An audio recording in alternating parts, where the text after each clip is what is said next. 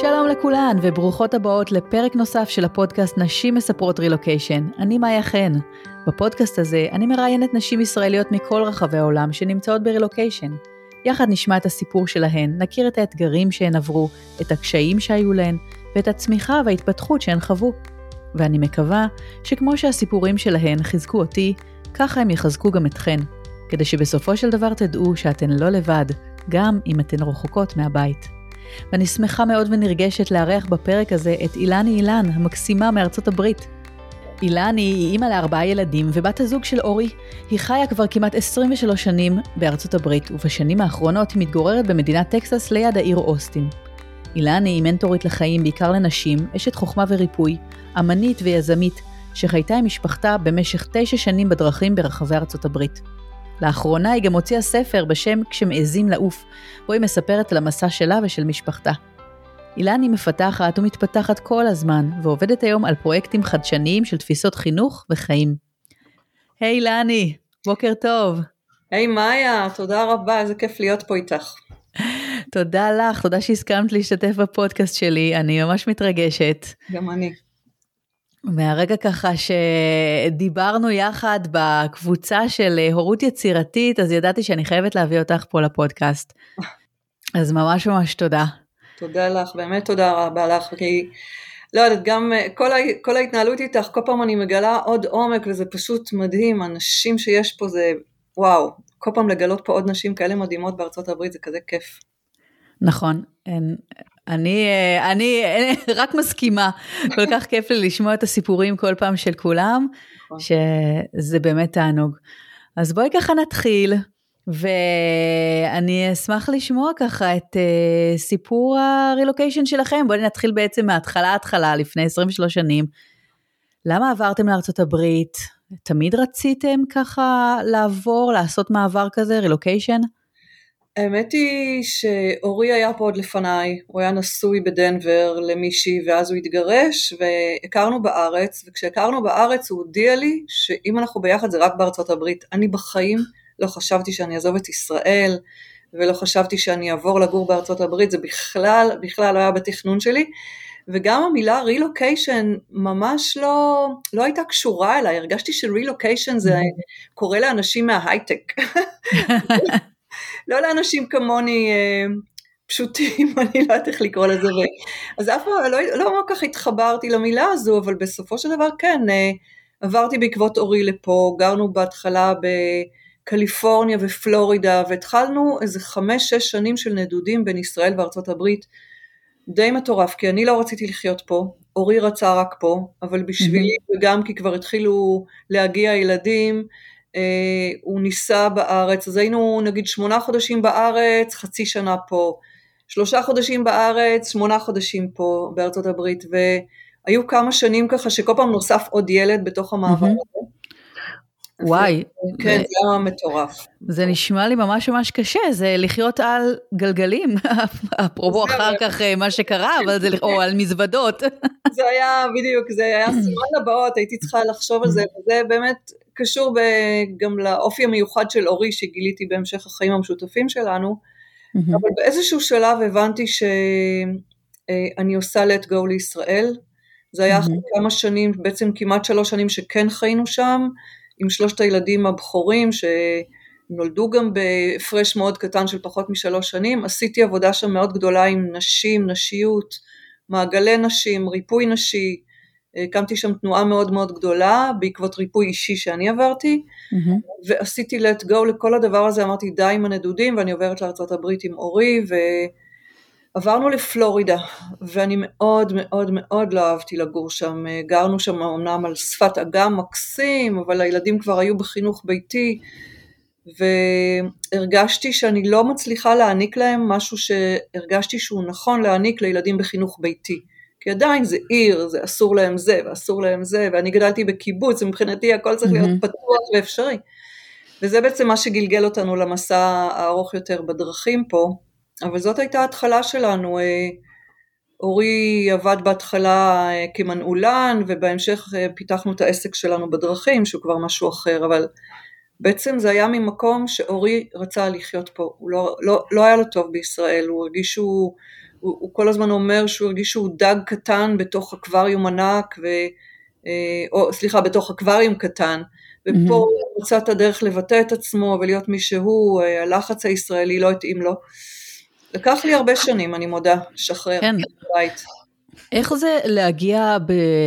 את יודעת, בעקבות בן זוג, שכשאת לא ממש רוצה להגיע? Uh, בהתחלה זה היה, תראי, הכרנו ותוך יומיים החלטנו שזה זה. וואו. אני כבר בני 31 ואני פשוט ידעתי, יש לי תכונה לדעת, וכשאני יודעת okay. אוקיי. בבטן אז אני יודעת ואני הולכת על זה. וידעתי שאורי הוא הבן זוג שלי, ולא היה לי ספק בזה. הוא היה בביקור בארץ, uh, הודיע לי שזה רק בארצות הברית, אז אמרתי לו, אתה יודע מה? אני אגיע הברית לשבועיים ואז נחליט, כי היה לי עוד בתוכי תקווה שהוא יסכים לחזור. לארץ. יומיים לפני שנסעתי אליו הברית לשבועיים, הבנתי שאני צריכה לנסוע וסגרתי תוך יומיים בית ששכרתי, מכרתי את כל מה שהיה לי, ופשוט נחתתי בניו יורק הוא היה אז, והצטרפתי אליו. אוקיי. Okay. אמ, אני לוקחת אחריות על ההחלטות שלי. אז אני לא יכולה להאשים אותו שבגללו הגעתי לכאן. זו הייתה החלטה שלי, יכולתי גם להגיד לא, ו- או כן. לפרק את הזוגיות, או להגיד אני בארץ ולתת לו להתמודד עם זה.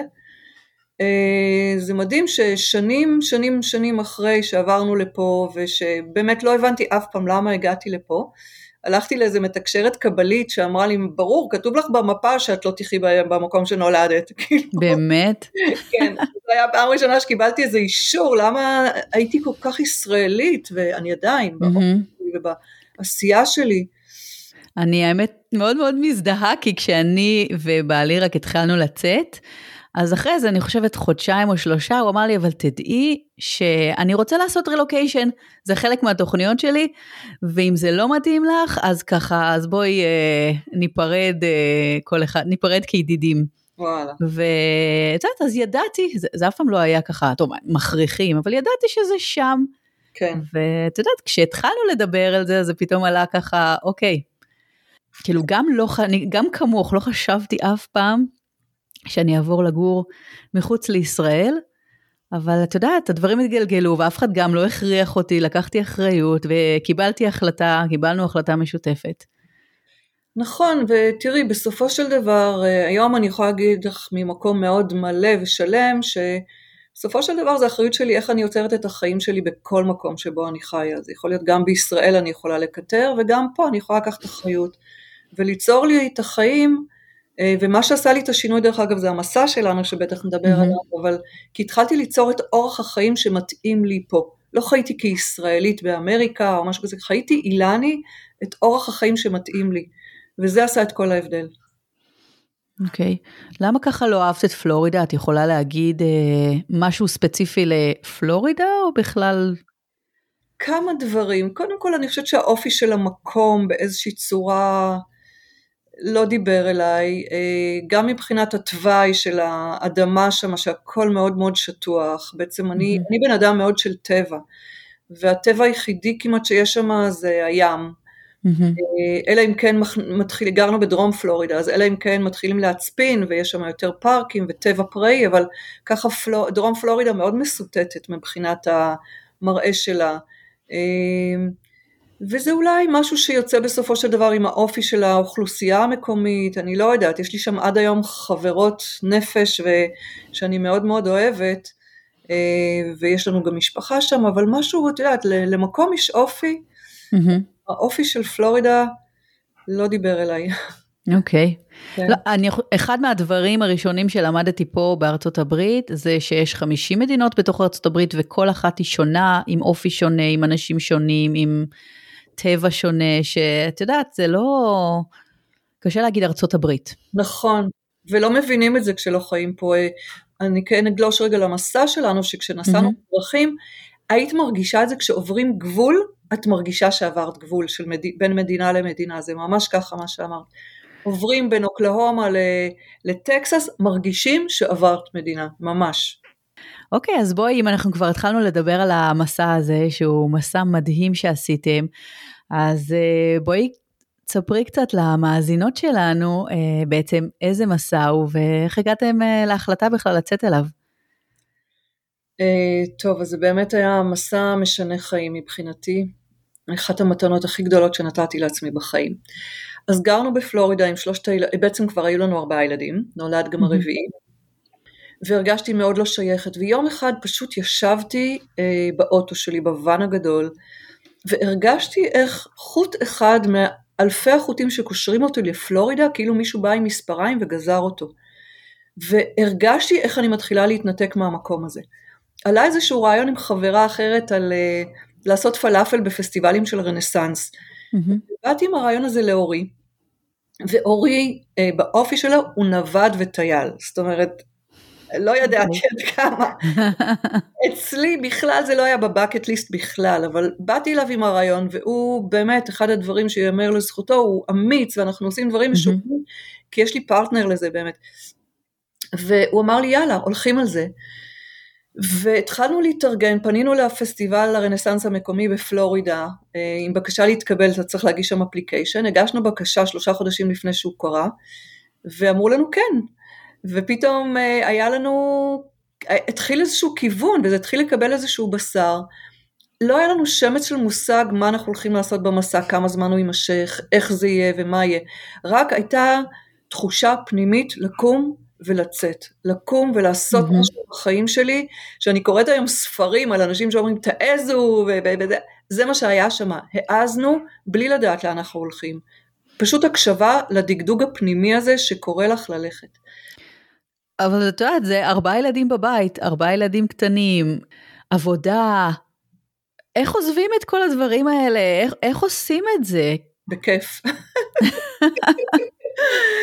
תראי, ההתרגשות הייתה מעולה בפחד לגמרי. Mm-hmm. להגיד שלא היה שם פחד, אבל זה היה פחד שאומר לך, תצאי, תצאי, אל, ת, אל תעצרי, תצאי, תצאי. אני הרגשתי מנהיגת המסע בתחילת הדרך, וגם בהמשכו הרגשתי שאני כאישה יודעת שפעם בשבטים נשים היו מנהיגות את השבט והיו אומרות mm-hmm. מתי ללכת ולאן. וככה הרגשתי, הרגשתי שאני מנהיגה את השבט שלי, אה, שאני יודעת שאנחנו נהיה מודרכים ושזה יהיה בסדר, עוד פעם, עם הפחדים, כי שום דבר לא הובטח לנו. אה, הילדים גם ככה היו בחינוך ביתי, אז זה היה קצת אה, יותר פשוט. גם ככה היינו מורגלים במעברים בין הברית לישראל, אז כאילו משהו בתזוזה כבר היה mm-hmm. טוב לנו. ואז התחילה ההתרגשות שקנינו את הקרוון הראשון ושמנו אותו בחוץ בחנייה והתחלנו להעביר דברים ואת יודעת זה, זה לא משהו שיוצאים אליו בום, זה, זה כאילו משהו שנרקם כל פעם עוד שלב ועוד דבר ומוכרים פסנתר ומוכרים מכונת כביסה ומוכרים ספרים וקונים קרוון ומארגנים דברים אז כאילו זה, זה נבנה צעד צעד mm-hmm. ופתאום וואו פתאום מגיע הרגע שעוזבים את הבית שמים את הטראק קושרים לה את הקרוון ונוסעים וזה מתחיל. וזהו, ככה זה קרה. נשמע לי מפחיד בטירוף. האמת, מעין רילוקיישן אה, קטן עשיתם בעצם, את יודעת, זה כאילו לעזוב את הבית שלך, לעבור לבית אחר, לעבור מדינה אחרת. נכון. או הרבה מדינות. נכון. כן. כן, את יודעת שאת מדברת עכשיו, שאת אומרת שזה עוד רילוקיישן, אני חושבת שהמסע, כי היינו תשע שנים, למאזינות שלא יודעת, היינו תשע שנים בדרכים, זה כל כך טבע בי את יכולת התזוזה שאני אה, כבר לא מצליחה לדמיין מה זה לפחד לזוז, כי זה ברור לי mm-hmm. שזה אפשרי. ואני חושבת שגם כתבתי על זה, הספר דרך אגב נכתב אה, תוך כדי המסע, בעיקר בשלוש שנים הראשונות שעוצמת החוויות הייתה כל כך גדולה, והרגשתי צורך לשתף חברים ומשפחה במה קורה איתנו, ואז אחרי כמה שנים אמרו וואו צריך לצאת מזה ספר וככה הוא נולד, אבל אה, שזה כן, זה נהיה לי כל כך, אה, זה אפשרי לזוז, הכל בסדר. זה, זה, זה, זה היום אני, אנחנו חיים היום שנתיים בטקסס וכבר מדברים על הצעד הבא שלנו, על, על המוב הבא שלנו, ובכיף, אני לא מרגישה שאני מפסידה משהו, אני לא מרגישה שאני צריכה לוותר על משהו, אני לא מרגישה שאם אני אזוז, אז, אז אני, אני חושבת רק הרפתקה כשאני חושבת על זה, אני לא חושבת על פחד יותר. אני חושבת שאחד מהקשיים, נגיד שאני חושבת על זה, זה להיפרד מחפצים בעצם, את יודעת, הבית שלך, כל מיני חפצים שאתה קשור אליהם, כמובן אנשים שאתה קשור אליהם, וזה לדעתי אחת מהסיבות שאנשים, את יודעת, מפחדים מאוד מאוד משינוי, כי, כי איך נסתדר, איך נסתדר בלי מה שיש לנו, איך נסתדר בלי המקום המוכר. אוי, את יודעת, אחת האהבות הכי גדולות שלי זה להיפטר מכל החפצים, את רק אומרת את זה, בא לי עכשיו לזרוק הכל, את כל מה שיש לי. אנחנו נהיים עבדים לחפצים האלה, אני לא, המסע לימד אותי לא להיות עבדים, לא להיות עבד, עבד לזה, לא להיות לזה, ובדיוק הבת שלי, שהבת שלי משרתת בצבא עכשיו וחזרה לארץ אתמול, וכשהיא הייתה פה בשבוע האחרון היא אומרת לי, אמא, בא לי ללכת לאיזה ג'ונגל לשנה לבד, לשכוח מהכל, אמרתי לה, נוגה, גם לי אז אני, אני היום יכולה לוותר, וזה מצחיק שאת אומרת את זה, כי אני ממש, בשבוע האחרון אומרת לעצמי די נמאס לי מכל החפצים שאגרתי בשנתיים האחרונות אני יכולה לתת את הכל אני לא צריכה את זה אה, אני יכולה ללכת הלאה. חפצים לא עושים לי את זה ממש לא. mm-hmm. מה שעושה לי את זה זה הקשבה להאם אני חיה את החיים הנכונים לי וכמובן לילדים שלי למרות שחלקם כועסים על, על, אה, יש להם גם כעסים על המסע הם לא רק אוהבים יש להם דברים נפלאים שהם קיבלו מזה ויש mm-hmm. גם כועסים אה, אבל הם חלק, אני חושבת, ממועדון גדול של ילדים שכועס על ההורים שלהם, לא משנה איך הם גדלו. כן, אה? כן. אבל אה, אין לי בעיה לשחרר דברים, זה נורא כיף. אוקיי, וואי, טוב, האמת זה טוב לדעת שאפשר להתרגל לזה, כי זה בכלל נראה לי המחלה של המאה ה-21, ככה, החפצים, שאני זוכרת שהיה פעם, פעם יאיר לפיד כתב איזה כתבה שהוא כתב ככה, DVD קונה את הרמקול, שקונה את הטלוויזיה, שקונה את הספה, שקונה, ונראה לי זה, זה פשוט המחלה שלנו היום. כן, ושחיים בקרוון, דרך אגב, יש פה קהילה ענקית של אה, אנשים ברחבי ארצות הברית שחיים בקרוונים full time, אין להם את זה, זה בדיוק מה שהם למדו, זה לשחרר את זה. אז ספרי לי ככה, איך זה לחיות בקרוון? אני חושבת, היה לי, או הייתה לי חוויה אחת של קרוון, עשינו טיול לרוקיז, חוויה... אה, וואו, ברוקי לנהוג את זה זה גם וואו. אה, כן, חוויה מאתגרת, כי היו המון המון בעיות בקרוון, אבל ככה, אתם הלכתם וחייתם בקרוון תשע שנים, אז אה, איך, איך זה לחיות בקרוון עם, עם עוד... גם צפוף, אבל זה היה חלק, את יודעת, הרגשתי דווקא שהבית שלנו התרחב, כי כל פארק כשהגענו אליו, בחוץ נהיה הבית שלנו, לא רק הבית עצמו. בעצם כל הפארק והטבע המדהים, ובחרנו כמעט תמיד פארקים מדהימים להיות בהם, אז כל זה נהיה הבית שלך. אה, ותראי, בהחלט צפוף, ובהתחלה הילדים היו קטנים, הגדול היה בן עשר כשיצאנו לדרך, בהמשך הם גדלו, קנינו באיזשהו שלב עוד קרוון, אז היו בעצם שני קרוונים עם שני trucks שמשכו אותם, אחד okay. אורי אוקיי. נהג, אחד אני נהגתי בשביל שיהיה יותר מרחב, אבל כן, זה מאתגר, אבל לא הייתי, אני באמת לא הייתי מחליפה את זה בלגור בבית גדול, גרנו שנה או קצת פחות משנה באיזשהו שלב, הילדים היו, רצו בית, בית, בית, אמרנו אוקיי נספיק mm-hmm. בית באוסטין. וואי, אני לא, לא מתגעגעת לבית באוסטין, וגם הילדים לא ממש נהנו שם, כי אורח החיים שם לא התאים לנו. אתה יודע, אוקיי. זה מסוג הדברים שאתה מתרגל, אה, נסיעות מאוד מעניינות, זאת אומרת מבחינת לגרור קרוון, אז את יודעת, פעם אחת היה לנו את הקטע שעצרנו, יש קטע של לאבטח את המקרר כשיוצאים לדרך. כן. ואנחנו נכנסים לקרוון וכל החומוס מהמקרר נמרח כל. אז למדנו יותר טוב לאבטח את המקרר, וגם פעם אחת, אוקיי, עשינו שדרוגים של קרוונים, בתחילת הדרך היה לנו קרוון יותר קטן, אחר כך אה, הרבה יותר גדול, ואחר כך עכשיו. עוד יותר גדול. ואת ה-39 feet אה, אני הצלחתי להפוך, הייתה לנו תאונה. אני לא, זוכ... לא חושבת שזה בספר בכלל, נכון? לא, לא. חושבת. זה היה אחרי. אחרי השלוש שנים הראשונות. אה, חזרתי מדאלאס. סליחה, מאוקלהומה לטקסס, ליד. אוסטין, והייתה רוח מאוד חזקה, ואורי בכלל נסע לקולורדו עם, עם הבן הבכור, ואני הייתי עם שני ילדים איתי, והצלחתי להפוך את הקרוון, הייתה תאונה, כן. וואו. התאונה היחידה שהייתה לנו, כל התשע שנים.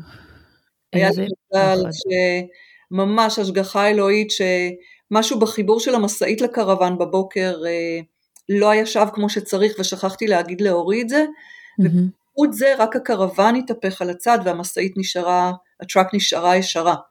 אז אה, היה שם מזל גדול. וואו, איזה פחד. אני לא, אני לא העזתי לנהוג בקרוון, זה אה, בעלי נהג, ואז הוא אמר שכל הזמן הוא מרגיש כמו אה, נהג משאית כזה, שנוהג. רגע, היה לכם את הזה שעם מנוע או נגרר? לא נגרר, לא, לא. כאילו כמו אוטובוס כזה, שאת נוהגת אוטובוס גדול. כמו היואול כזה, כן. כן. תשמעי, אבל ברוקיז, פעם ראשונה לקחת קרוון לרוקיז, אני מורידה את הכובע. אחד המקומות הכי קשים לנהוג בארצות הברית זה הרוקיז. זה בהחלט הייתה אה, חוויה מאתגרת, את נוסעת וכולם מאחורייך, ואת כזה מרגישה נורא, נורא שאת נוסעת לאט, אבל אין לך ברירה. לא, אין ברירה. את יודעת מה, אז יש לי סיפור על זה, שבשנה הראשונה נסענו אה, דרך ויומינג, סליחה, דר, כן, דרך ויומינג נסענו ליוטה. ל, לא mm-hmm. ליוטה, סליחה, לאיידהו. אוקיי. Okay. ויש שם את אחד המעברים הכי תלולים בארצות הברית, קוראים לזה ה Teton Pass. שזה המעבר באמת של עשרה אחוז, אה, אה, איך קוראים לזה? degrees של... אה, כן. עכשיו היה לנו משאית U-Haul שק... שקנינו שגררה את הקרוון והגענו ל pass הזה, לאזור הזה בלילה. ואנחנו מתחילים לנסוע את הפס, פעם ראשונה שנסענו פס כזה תלול והמשאית נסעה אולי חמישה מיילס פר אאואר, עכשיו חושך. יש מסלול אחד לכל כיוון, אנחנו רואים מאחורינו איזה מכוניות שאסור להן לעקוף כי זה סיבובים וזה בעלייה, ואני מרגישה שכל רגע המשאית היא מפסיקה לעלות ופשוט מידרדרת אחורה. אני ישבתי ככה עם הגוף קדימה בשביל לעזור לאורי, את יודעת, זה היה מפחיד, ואז פתאום פאפ התיישרנו, זה היה וואו. וואו, איזה חוויה, אני בטוחה שכל מי שנסע מאחוריכם היה כזה, כן, כן, אבל אתה לומד פשוט לנסוע וזהו, זה מה יש, כמו שאת אומרת, זה מה יש. אבל אין ספק שהכבישים בארצות הברית הם כל כך אה, נוחים לנהיגה ונסיעה באמת של, אה, של קרוונים ושל אה, משאיות. אה, נכון, גם הכבישים, גם ה-camp grounds, גם ה-rest areas, נכון. גם הכל בנוי לזה, תקשיבי, את, את יודעת, אני מקשיבה לשאלות שלך ואני אומרת, הלוואי שהייתי יכולה לקחת אותך לעמוד איתי על ההר שלי. כי מההר שלי רואים חוויות של חיים. אני לא רואה את הדברים כדבר הכי חשוב, את הקביעות. אני חושבת שגם שריר הגמישות אה, הוא דבר, אחד הדברים הכי חשובים, אנחנו רואים העולם מביא לנו את זה היום, אחד הדברים הכי חשובים לאמן זה שריר הגמישות. Mm-hmm. אני פה בשביל לחיות, אני לא פה בשביל לאגור דברים. דרך אגב, אנחנו מת, התפתחנו כלכלית מאוד בשנים האלה, פת, יש לנו עם עסק מדהים, שכמובן הקורונה סגרה, אבל לאט לאט הוא חוזר עכשיו, כי, כי זה כן. קשור לפסטיבלים, אבל אני פה בשביל לחוות, ומהמקום הזה אני יוצאת לחיים. דרך אגב, לא כל החיים שלי הייתי שם, עד גיל 30 לא הייתי שם, אבל uh, בעקבות כל מיני דברים שעברתי, באמת uh, הצלחתי לגבש uh, אני חושבת לקרוא לזה אה, זווית ראייה של אומץ עם החיים. Mm-hmm. לא לפחד, לשאול מה נותן לי חיים. האמת שכשקראתי את, ה, את, את הספר שלך ואת uh, במהלך ה... בעצם מסע עברתם בין מלא מלא מדינות, כן. זה בהחלט עשה לי חשק לבוא ו- ולטייל ולראות את הנופים המדהימים האלה ו- ולחוות את, ה- את האנשים כי אני חושבת שאחת מהסיבות שיצאנו לפה לרילוקיישן זה לראות משהו אחר, לראות מקומות אחרים, להכיר תרבות חדשה, להכיר אנשים אחרים, ולא רק להישאר בתוך האזור בו אני נמצאת. כן, נכון, נכון. אז, אז אם כבר ככה, אז, וביקרתם באמת בהרבה מדינות, אז יש לך איזה ככה מדינה שזכורה לך במיוחד, שאהובה במיוחד? Uh, אני אספר לכם דווקא על מדינה שאני, זאת אומרת יש בה דברים שאני אוהבת, אבל אני חושבת שהייתה אחת המאתגרות ביותר, ואני לא יודעת עד כמה הרבה ישראלים ככה מכירים אותה, זאת, זאת אוקלהומה. אוקיי. Okay. אוקלהומה היא מדינה מאוד מיוחדת, ולא רק המדינה, יש שם עיר שנקראת מוסקוגי, שזה אחד הדברים, אפילו אנשים uh, אמריקאים אמרו לי שזה העיר הכי מוזרה שהם פגשו בארצות הברית. אה, אוקלאומה בעיקרון זה מדינה שהביאו לה, עשו בעצם טרנספר של השבטים האינדיאנים, אני לא זוכרת את השנים, אבל את הטרנספר של השבטים האינדיאנים במה שנקרא Trail of Tears, עשו אה, לאוקלהומה. ובעצם התרכז שם המון, אה, התרכזה שם המון אנרגיה של כעס וכאב. אני הייתי במוזיאון של השבט הצ'ירוקי, mm-hmm. באוקלהומה, ואת רואה שם את עשו שם פסלים של אנשים בגודל אדם, וראיתי את השואה. את רואה שם זקנים וילדים פשוט שנפלו על השלג ומתים, וזה כל כך הזכיר לי את השואה, וזה עשה לי משהו נורא חזק, ודיברתי איתם עם הצ'יר, שבט הצ'ירוקי בעצם, ה Cherokee Nation, המרכז mm-hmm. באוקלהומה ליד מוסקוגי. והם הקימו שם מין מרכז של כפר כמו שהיה פעם, ב, ב, כמו שחיו פעם. ואז אתה יכול לבוא ולחוות את החיים שלהם, ויש מוזיאון גם על ה-Trail of Tears וכולי. שאלתי אותם, תגידו, איך התגברתם על מה שעשו לכם? כי באמת זה עשה לי כל כך uh, כן. על השואה, ואני יודעת כמה כאב אנחנו כעם היהודי, אנחנו נושאים כל כך בכאב שם, והם כאילו צמחו מזה. והוא אמר לי שם משהו כל כך חכם, הוא אמר לי, תקשיבי, ברגע שזה קרה, אנחנו הבנו שאת מה שקרה לא נוכל לשנות. ועכשיו mm-hmm. יש לנו הזדמנות לשבת ולהמשיך לכעוס על מה שעשו לנו, או להבין שזה מה שקרה, להצטרף הלאה, הם נהיו גם נוצרים, כי זה היה בעצם חלק מהסיפור להפוך אותם לנוצרים, אבל הם הצליחו לשמור על הטרדישן שלהם, על המסורות שלהם בצורה מדהימה, והם נהיו השבט הכי גדול בחז... והכי חזק בחזרה הכי מהר, בזכות זה שהם סלחו. Mm. סליחה, הייתה, וואו, יש לי צמרמורת שאני אומרת את זה, זה היה כל כך חזק להפנים את זה. ואני חייבת להגיד שהמקום הזה, אוקלהומה, וגם אחר כך חוויה שאולי אם תרצי נספר את זה כן בספר של ראש השנה בסאות' קרוליינה, זה מדינות, זה מדינות וחוויות שלימדו אותי לא לשפוט, לימדו אותי לקבל פה כל אדם כמו שהוא, לימדו לי ש... לימדו אותי שמספר השיניים שיש להם בפה או מספר הקעקועים שיש להם והפירסינג לא אומר שום דבר על הלב שלהם ועל מי הם ומה הם. לימדו אותי שאני לא יותר טובה מאף אחד מהם למרות שנולדתי בקיבוץ ומי שמכם קיבוצניק, זאת אומרת אני יודעת על עצמי שגדלתי עם איזושהי עליונות אישית שאני יותר טובה מאחרים. באמת אם היה לי שאריות של זה המקומות האלה פירקו לי את זה. אז דווקא המקומות המדהימים, mm-hmm. קולורדו היא האהובה עליי מבחינת נופים, אבל מבחינת חוויות אישיות של גדילה ושל אה, מפגש עם, ה, עם, הלא, עם הלא משהו שהוא כמוני, זה כן. אוקלאומה וסאות' קרוליינה. את יודעת שיש הרבה, זה, זה מדהים מה שאת מספרת, כי באמת יש, אני חושבת שיש הרבה ישראלים שמגיעים לפה והם לא, לא נפתחים לתרבויות, לאנשים, כאילו מאוד מאוד נמצאים בתוך, ה, בתוך הקהילה, בתוך האנשים והאנשים שלנו. נכון. ודווקא נכון. ברגע שאתה נפתח והולך ו- ומדבר עם, עם אנשים שגרים פה, אתה, אתה מגלה כל כך הרבה, והחוויות שסיפרת שם, אז אה, משפט אחד ככה שכתבת בספר, כתבתי לי את זה כי ממש התחברתי אליו, זה היה אתרי התיירות בטיול שלנו הם בתוך הלב של אנשים. אוי, יש לי צמרמורת שאת מקריאה את זה, זה כל כך, וואו, כל הגוף שלי צמרמורת, מה היה? אוי. כל כך ככה, אבל אני בן אדם שאני מחפשת את הקשר האנושי. אז דרך אגב, העסק שבנינו, הפסטיבלים, אפשר לנו באמת בכל מקום שהגענו אליו לעבוד עם האנשים המקומיים, שזה היה חלק מהחוויה המדהימה. לא רק באנו, הכננו את הקרוון וטיילנו שם, אלא עבדנו עם המקומיים, שזה, אני חושבת, מה שעשה את ההיכרות העמוקה איתם, כן. בטוחה. אז אני רגע על ראש השנה? אה, כן, בטח, יאללה, ספרי עוד סיפור. אשמח לשמוע. אוקיי, אז אני אשתף שהשנה הראשונה הייתה מאוד מאוד קשה כלכלית, מאוד קשה. אה, לא הצלחנו למצוא את הפסטיבלים הנכונים. אה, האוכל שלנו היה בהתחלה עדיין צמחוני, פלאפל, חומוס, אה, לא היה בשר, וזה מה שאוהבים לאכול פה באמריקה יותר. כן.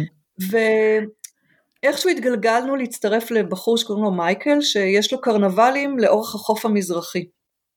אה, ומייקל הזמין אותנו פשוט להצטרף, הוא התאהב בנו ובילדים, והזמין אותנו להצטרף לשרשרת הקרנבלים שלו, שאנחנו רצינו לעשות רק פסטיבלים של רנסאנס ואומנות, והקרנבלים mm-hmm. זה, את יודעת, הפסטיבלים האלה עם כל הגלגלי ענק וסוכר על המקל וכל הרעש האינסופי הזה, שלא היה... והמגניב. כן, המגניב, זה לא נגמר, הצטרפנו לזה כי רצינו, היינו צריכים כהכנסה. Mm-hmm. אז הגיע ערב ראש השנה, זה היה יום שישי, זה היה בשנה הראשונה, אה, סיימנו איזשהו פסטיבל ואני אמרתי להורי, תקשיב, ערב ראש השנה, יום שישי, אנחנו לא עובדים. לא עובדים, אבל תקשיבי, לא היה לנו כסף. הגענו mm-hmm. למצב שממש שלחו לנו מהמשפחה בארץ כסף. לא הלך לנו, פשוט לא הצליח. Mm-hmm. מייקל בא ואומר לי, תקשיבי, יש לי פסטיבל של שלושה ימים בעיר וורנטון בסאות' קרוליינה, תבואו, תעבדו שם, אני לא לוקחת לכם כסף על זה. הוא ידע את המצב שלנו, ותמיד כן. אתה משלם או שכירות על הביתן או אחוזים מתוך המכירות. ואמרתי לו, הסתכלתי עליו ככה ואמרתי לו, מייקל, במה זכינו? אז הוא אומר לי, תקשיבי, כשאני ואשתי התחלנו את העסק שלנו לפני 30 שנה, לא היה לנו גרוש על התחת, ולא הצליח לנו בהתחלה, והיו שם אנשים שעזרו לנו, ועכשיו אני רוצה לעזור לכם, אני רואה את המצב, אני, בא, בא לי לבכות שאני אומרת את זה עכשיו. איזה מלאך, פשוט לא, מלאך. מל, המלאך מיכאל, היה, היו לי שם שני מלאכי מיכאל, כן. ואמרתי, אוקיי, אורי, אין ברירה, אנחנו באמת בלי כסף, שלושה ימים, בוא נלך, נראה מה זה. Mm-hmm. טוב, אנחנו מגיעים לעיר middle of nowhere. אה, מקום מקסים מבחינת הטבע, אבל מידל פנור, מסתבר שזה עיר, עיירה של אלפיים איש, של אנשים שחורים. מה להם ולפלאפל אני לא יודעת. כן. ומייקל אחר, שהוא גם מלכ... המלאך מיכאל אחר, נתן, השאיל לנו גריל, אז בעצם פעם ראשונה עשינו שם בשר. ואורי הלך והקים את האוהל שלנו, עם המטבח, ואני יושבת בקרוון שלנו, הילדים התרוצצו בחוץ, אני יושבת ערב ראש השנה, ואני שואלת את עצמי, אלוהים, מה אני עושה במקום הזה, מה אני עושה פה בחור הזה. ושמתי כן. לי איזה דיסק של שירים עבריים בשביל שככה יעלה לי את המצב רוח, והתחיל פתאום שיר של אהוד בנאי שהוא שר שהיום נעשה משהו בלתי נשכח. אוי, כן. מבורך. ואיך שאני שומעת את המילים האלה, אני רצה מהקרוון, אני יודעת מה אני הולכת. רצתי לסופר, מצאתי שם תפוחים ודבש וקמח וכל מה שצריך. חזרתי הביתה, עשיתי מאפינס דבש, חתכתי תפוחים על צלחת עם באמצע צלוחית דבש, ואורי ואני עברנו בין כל העובדים של הקרנבל, שזה רובם, או הרבה איזה יופי. אה, יוצאי בית, בתי סוהר, אסירים משוחררים, אנשים בלי שיניים, קעקועים all over, mm-hmm. אף אחד לא מתייחס אליהם יפה. ואנחנו עוברים אחד אחד ונותנים להם את המאפין ותפוח בדבש, מלמדים אותם איך לטבול תפוח בדבש, אנחנו אומרים להם שזה ראש השנה שלנו, היהודי, ומאחלים להם שנה טובה, אחד אחד את רואה שנדלק להם אור בעיניים. ברור. גומרים את הסיבוב הזה בכזאת התרוממות רוח, זה היה כאילו לבחור להתחדש בערב ראש השנה. ואני ככה הולכת עם המגשים הריקים הביתה, ושניים שלושה קרוונים ממני, יוצאת בחורה שרק אה, ילדה, זמן קצר לפני זה, ויומיים לפני היא סיפרה לי שאין לה מספיק חלב להנקה, ונתתי לה תה שומר שמגביר חלב אצל מניקה דבש. זה לא ראיתי אותה מאז. עכשיו שהיא רואה אותי כזה קוראת לי ואומרת לי, אה, את יודעת, השומר שלך חזר, אה, את יכולה לתת לי עוד? אמרתי לה, כן, בטח, בואי איתי. והיא ככה באה איתי אה, לקרוון שלנו, אני נותנת לה עוד שומר, והיא אומרת תודה, יוצאת מהקרוון, הולכת שניים שלושה צעדים, עוצרת, מסתובבת אליי ואומרת לי, את יודעת, ביקשתי שאלוהים ישלח לי מישהו, והוא שלח לי אותך. ו... יואו, יש לי צמרמורת עכשיו. זה, כל פעם יש לי דמעות בגרון וצמרמורת, כי זאת הייתה התשובה שלי לשאלה, אלוהים, מה אני עושה כאן? ותקשיבי, כן. זו חוויה, אין, אני כולי צמרמורת עכשיו, זו חוויה ששינתה לי את כל החיים, אני מודה. אז זה, זה המסע. את יודעת, זה גם להיפתח לחוויות האלה. יכולת להגיע באותו מידה למקומות האלה, באמת להישאר רק בתוך הקרוון, בתוך המקום שלך, אבל את נפתחת כל פעם ל... לאנשים, באת אליהם, ואני בטוחה שזה נתן להם כל כך הרבה, ש, שמישהו אכפת לו. אכפת נכון, לך. נכון. מישהו מביא לי משהו לאכול ואומר לי, שנה טובה, איזה יופי, זה לא צריך הרבה, באמת, לא צריך הרבה, צריך נכון, טוב לב. נכון, ממש ככה, כן. וואו. טוב, את יכולה לספר לנו קצת אה, מה זה בעצם פסטיבל, איך זה הולך, אה, מה אתם עשיתם שם? כן, קודם כל מי שגר בארצות הברית ולא היה בפסטיבל רנסאנס, אני מקווה שלאט לאט הם ייפתחו עכשיו, אני ממש ממליצה, יש את זה לדעתי בכל state פה בארצות הברית יש, יש פסטיבלים שהם מאוד מאוד גדולים, יש יותר קטנים, אתם פשוט יכולים לעשות גוגל ולחפש פסטיבל רנסאנס באזור שלכם ולראות מה יש.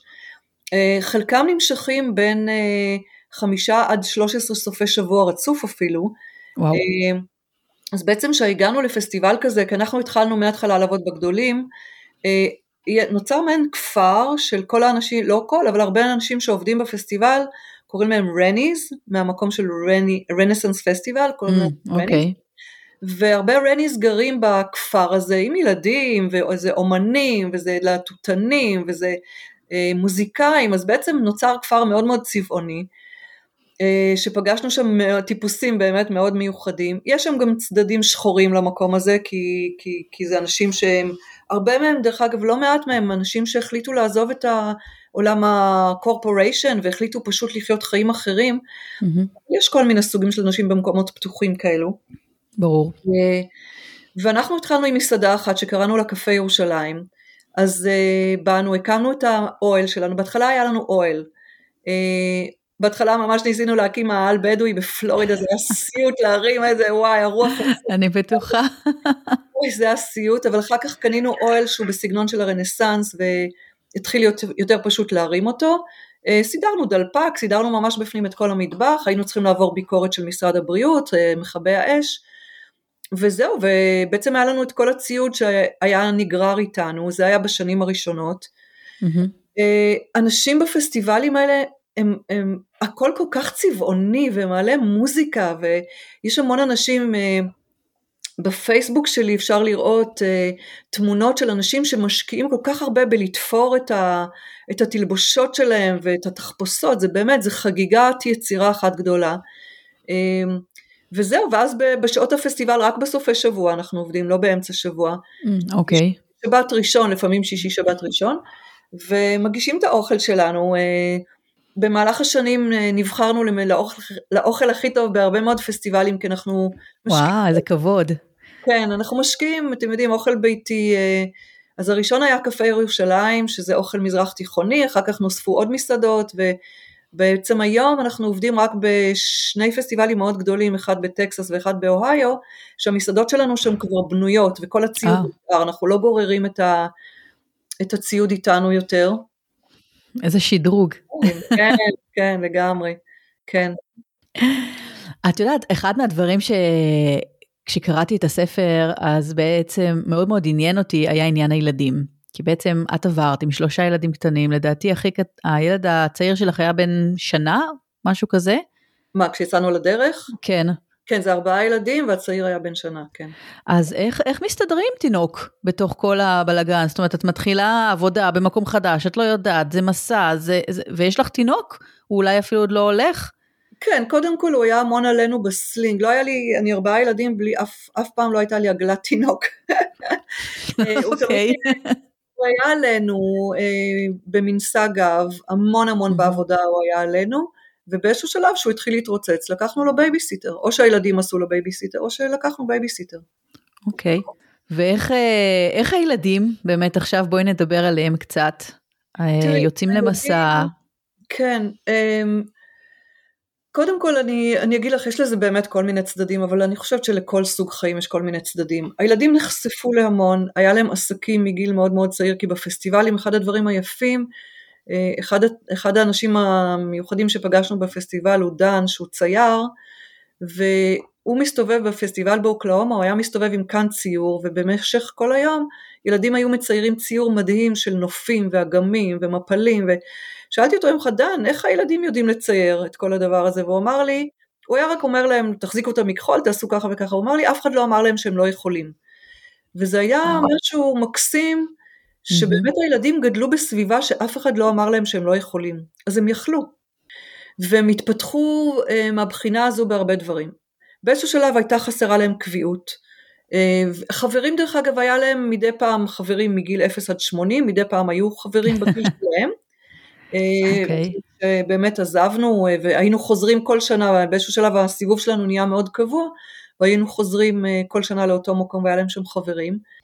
דרך אגב לימודים, אף פעם לא עשינו לימודים מסודרים, הילדים לימדו את עצמם לקרוא ולכתוב, לימדו את עצמם חשבון של החיים, מה שהם היו צריכים, הבכור בגיל 12 כבר ניהל עסקים, מבחינת, הוא התחיל ליצור תכשיטים, שהוא למד ליצור תכשיטים אצל מישהו מאחד האומנים בפסטיבל, ובפסטיבל הבא כבר היה לו ביתן שלו לתכשיטים, היה מוכר תכשיטים בעשרות ואפילו מאות דולרים, ולמד לחשב את אחוזי הרווח, מין חומרים, ו... זאת אומרת היה להם חיכוך מאוד עם החיים. זאת אומרת, הוא למד מעצמו, מאנשים, משאלות, כן, מספרים, זאת אומרת, שום דבר שאתם אה, בעצם מובנה. אנחנו בית מאוד מאוד סקרן, גם אורי וגם אני, אז היו המון שיחות בבית, אבל אה, הם לא למדו לימודים אקדמיים מסודרים, כשניסיתי לעשות את זה עדפו אותי בכל הכוח, mm-hmm. פשוט זה היה קצת בלתי אפשרי, היום הם, הם מעריכים את זה, היום הם, מבינים שהם למדו את הדברים החשובים בחיים והם גם כל הזמן ידעו שאם הם רוצים ללמוד זה אחריות שלהם. והם יכולים לשבת ללמוד, אני אעזור להם בכל מה שהם רוצים, אבל אני לא ארדוף אחריהם ואכריח אותם ואריב איתם על זה.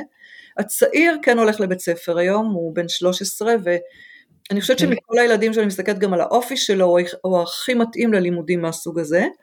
אז אני חושבת שזה גם לראות מה כל אחד מתאים לו. אף על פי שהוא הכי גדל בתוך כל כן, המסע. נכון, נכון, אבל הוא באופי שלו ממש מתאים לו הלימודים, הוא קולט את זה מהר, והוא אוהב את זה. אה, אני מדברת עם למשל עם הבן השני, וגם הבכור, הם, הם לא מרגישים שחסר להם את זה. Mm-hmm. חסר להם משפחה למשל שעזבנו בארץ, זה כן.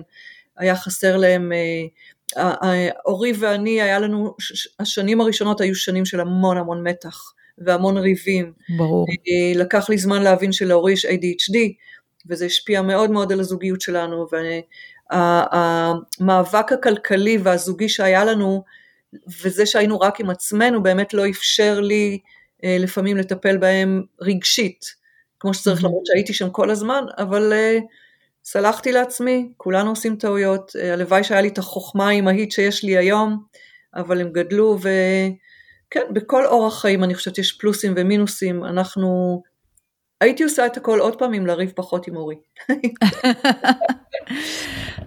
את יודעת, אני חושבת שבאמת אה, יחסים בין בני זוג זה משהו שהוא אה, מתפתח ומתבשל ולומדים אה, נכון. לחיות אחד עם השני, אחד ליד, לצד השני. כאילו זה... הרבה מאוד דברים בחיים אתה כזה אומר, למה אי אפשר להתחיל מהאמצע? למה? למה אני צריכה להתחיל מההתחלה? כאילו, מה שידעתי עכשיו. בעיקר הורות. כן, בדיוק. אבל, אבל אין מה לעשות, וזה מה שבונה אותנו בעצם. נכון. דווקא התהליך. ההליכה יחד, הקשיים נכון. האלה. נכון. אני רק, אני רק אה, אסיים על הילדים, ששני הבנים הבכורים, אה, עדן בן 22, גל בן 20, הם בעולם העסקים כבר הרבה שנים, היום הם עובדים בתחום של הפאנלים הסולאריים. אה, נוגה בחרה ללכת להצט...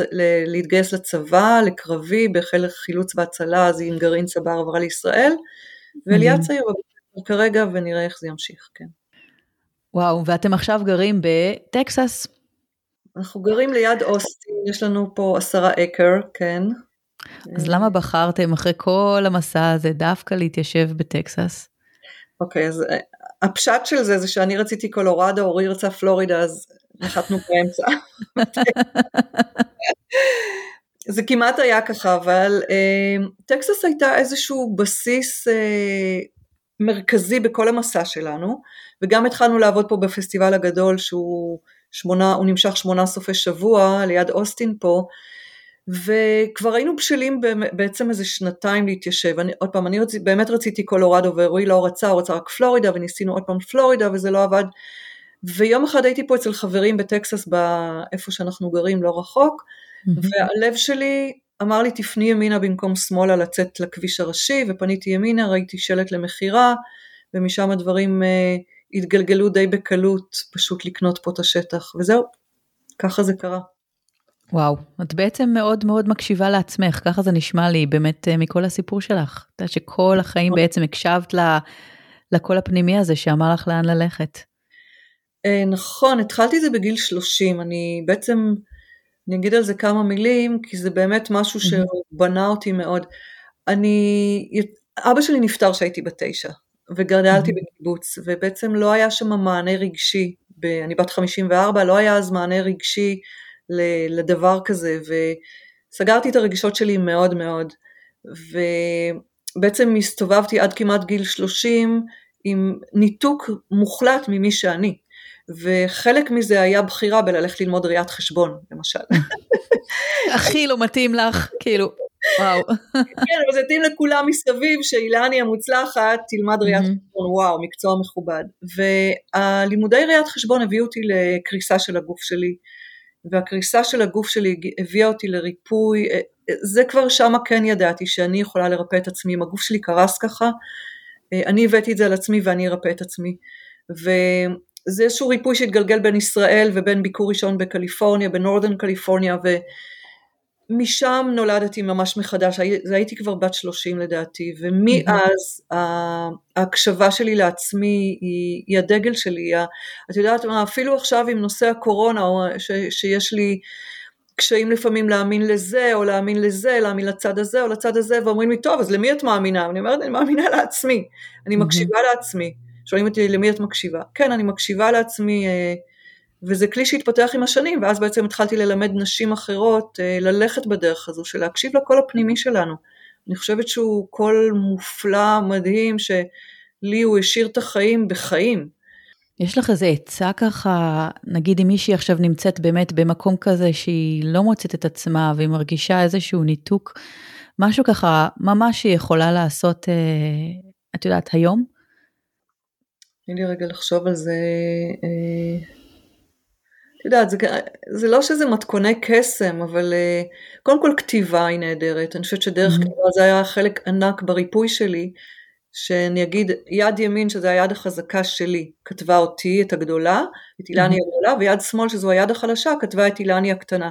ובעצם שם עשיתי ריפוי מאוד גדול על הנושא של ההדחקה של המוות של אבא שלי, כששאלתי שאלות, יד ימין הייתה שואלת שאלות ויד שמאל עונה.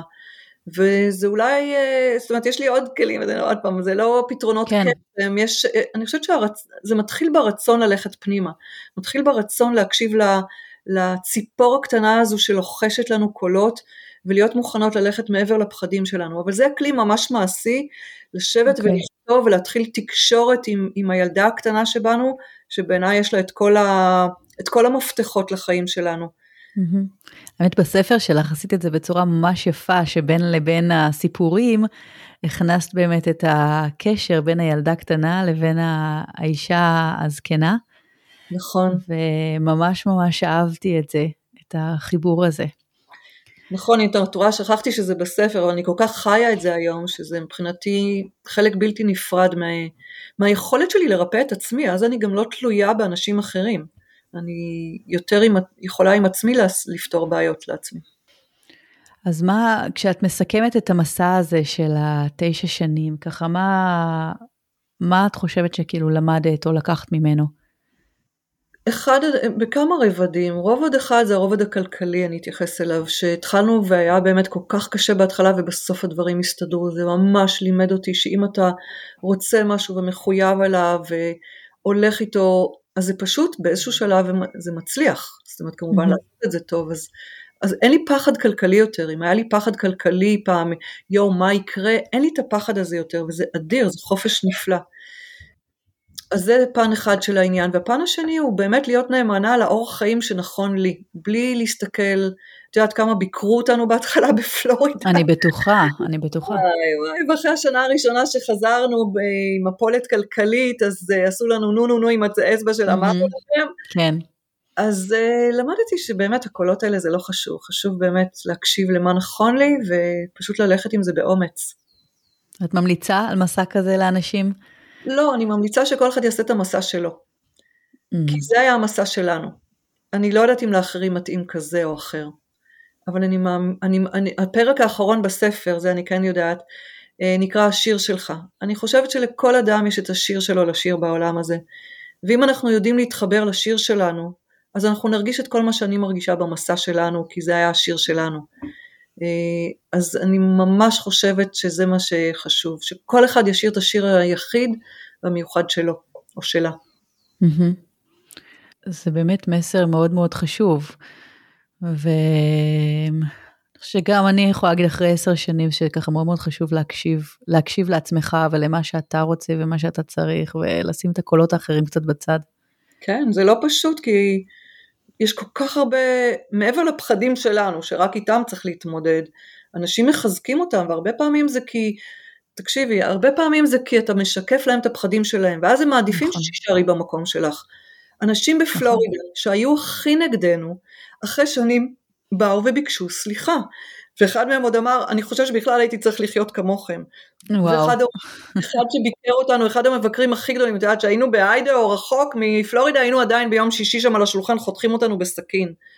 ואחד מהם בא ואמר, תקשיבו, הלוואי שהילדים שלכם היו הילדים שלי. זאת אומרת, אנשים התעוררו אחר כך ו... לא עשיתי את זה נגדם או בעדם או בשבילם, ולכן אף פעם לא כעסתי עליהם, אני הבנתי שזה פחדים שלהם. אבל זה חשוב אה, לנער את זה מאיתנו. ברור. אוי, אילני, זה כל כך, אה, הסיפור שלך מעניין, ואני באמת רוצה להמליץ לכולם ללכת ולקרוא את הספר שלך. שוב, אה, כשמעזים לעוף, ספר מקסים מקסים, ואני אשים אחר כך ככה קישור לאתר. תודה. כי באמת הסיפור הזה, אני חושבת כל אחד יכול להתחבר אליו. באמת מהמקום שלו, של הפחד, או של הרצון לקחת משהו אחר, או אה, איך אפשר, איך אפשר להעז לעוף, להעז לעשות את מה שאתה רוצה לעשות. אז באמת, אני ממש ממליצה על הספר הזה. תודה. תראה, אנחנו, אה, אנחנו ככה אה, מתקרבות לסוף, ואני שואלת כל מרואיינת שלי, איזה מסר היא הייתה רוצה להעביר למי שמתחילה עכשיו את התהליך של הרילוקיישן, או נמצאת בתחילת הרילוקיישן, ואני שואלת אותך גם. שאלה נהדרת, ואני אגיד כמה דברים. קודם כל, אה, אני מאוד מאמינה בנשים, בקשר של נשים לנשים.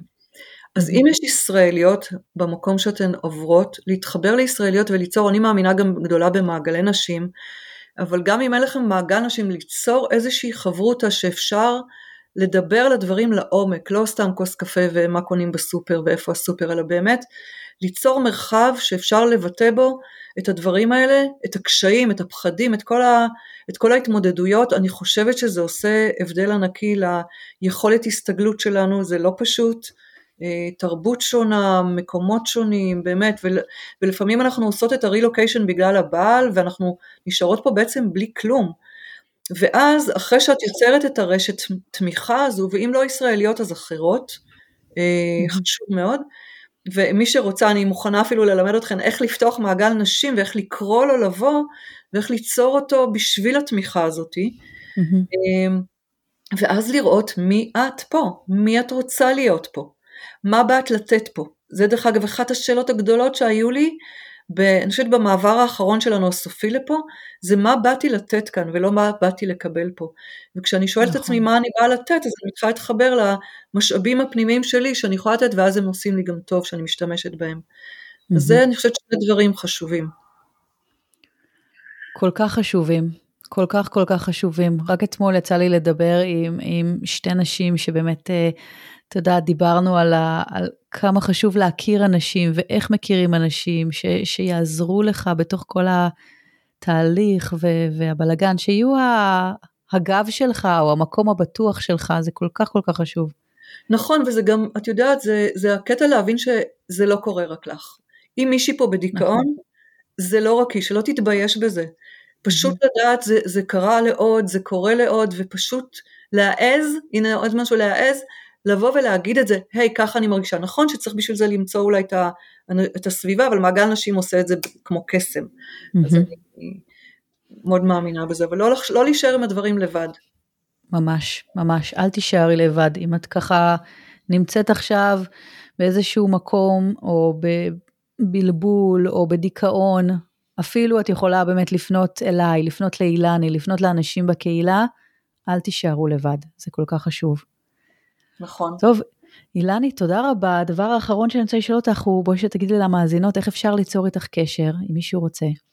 וואו, איזה כיף. קודם כל, יש לי דף פייסבוק, שזה, קוראים לו אילני אילן, זה, אני כותבת את השם שלי עם E, אז זה E-L-A-N-I, E-L-A-N. אה, יש לי אתר באותו שם, אילני אילן.com. אה, ויש לי וואטסאפ, שאם את רוצה לשים את הוואטסאפ שלי, מוזמנות ליצור איתי קשר בשמחה, אני לא יודעת אם להגיד את המספר פה, אני יכולה, זה חמש. לא, אין צורך, אני אכתוב אותו אה, בתיאור של הפרק. אוקיי, אז כן, בוואטסאפ, ואל תישארו לבד, זה באמת אולי המסר הכי חזק. אל תישארו נכון. לבד.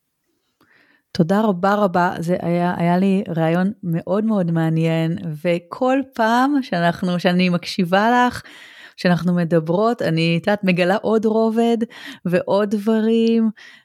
מקסים, ממש מקסים. אילני, איזה כיף שנפגשנו.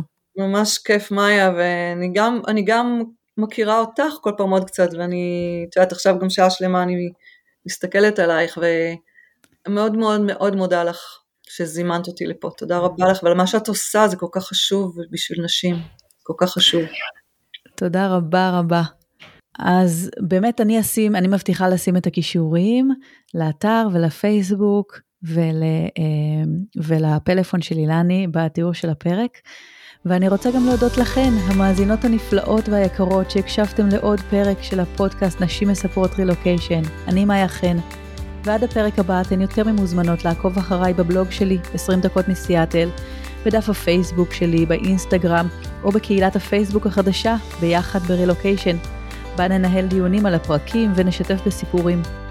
חוץ מזה תוכלו למצוא את הפודקאסט בכל אפליקציות הפודקאסטים, כולל ביוטיוב, תחת השם נשים מספרות רילוקיישן, ואני אשמח אם תירשמו כמנויות, כלומר תלחצו על subscribe כדי לקבל עדכונים על כל פרק חדש ישר למכשיר הטלפון שלכן.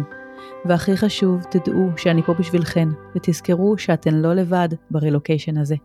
אז שיהיה לכם יום נפלא, ונתראה בפרק הבא. ביי! ביי, להתראות.